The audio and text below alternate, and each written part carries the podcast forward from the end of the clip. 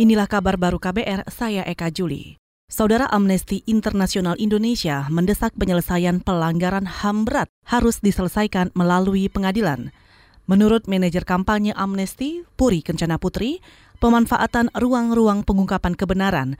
Menurutnya, pemanfaatan ini harus dibuka sebagai agenda akuntabilitas yang melekat dengan hak-hak yudisial korban. Dalam skema penyelesaian kasus pelanggaran HAM berat masa lalu, menurut Undang-Undang 26 tahun 2000 dan Undang-Undang nomor 39 hanya ada dua lembaga, ya, Komnas HAM dan Jaksa Agung. Bagaimana kemudian kita mereposisikan posisi Menko Polhukam di sini? Menko Polhukam di sini kan adalah Menteri Koordinator Bidang Politik Hukum dan Keamanan. Ada di dalam struktur lembaga kepresidenan eksekutif. Artinya, semua langkah yang dilakukan oleh Menko Polhukam tidak boleh tanpa pengetahuan Presiden sebagai pimpinan lembaga. Manajer kampanye Amnesty Internasional Indonesia, Puri Kencana, juga meminta Menko Polhukam Mahfud MD mampu menggerakkan kementerian maupun lembaga terkait untuk mengungkapkan kebenaran.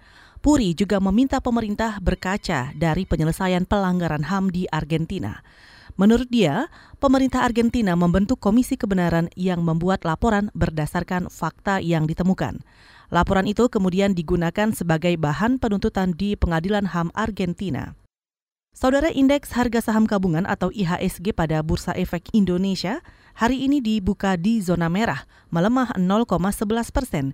Informasi selengkapnya disampaikan jurnalis KBR Siti Sadida Hafsyah dari Gedung Bursa Efek Indonesia, Jakarta. Saudara, indeks harga saham gabungan pada Bursa Efek Indonesia dibuka di zona merah dengan pelemahan 0,11 persen atau 7,04 poin ke level 6.186,75. Jika dibandingkan nilai pada penutupan perdagangan kemarin, IHSG berakhir naik 0,11 persen atau 6,92 poin di level 6.193,79.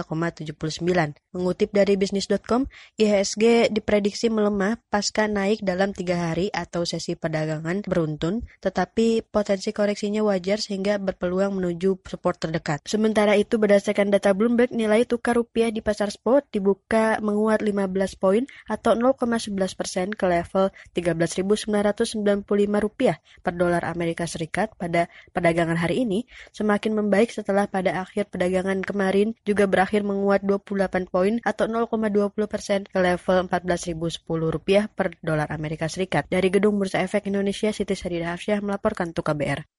Kita ke Jawa Tengah. Pemerintah provinsi ini akan mengevaluasi pendidikan di seluruh sekolah negeri atau swasta.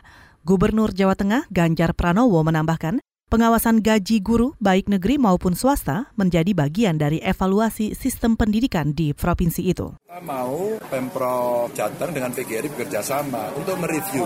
Reviewnya adalah review sistem informasi pendidikan. Bagaimana infrastruktur pendidikan, bagaimana fasilitasnya, bagaimana kondisi muridnya, persebarannya, guru-gurunya, metodenya. Nah saya ingin ada pendidikan Jateng Outlook setiap tahun. PGRI saya minta untuk membantu bekerja sama dengan Dinas PDNK kita agar kita bisa tahu perkembangan perkembangan per tahun itu kondisi realnya seperti apa, sehingga politik anggarannya bisa dimasukkan.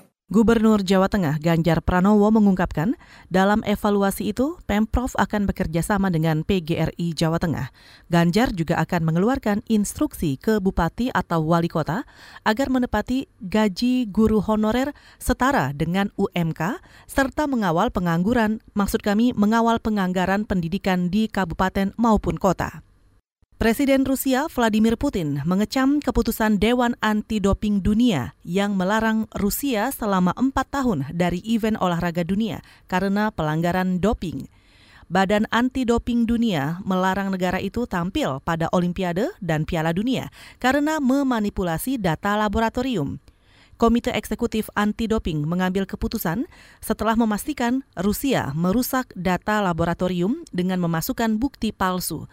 Tak hanya itu, Federasi Rusia juga diduga menghapus file-file terkait tes doping positif yang bisa membantu mengidentifikasi kecurangan doping.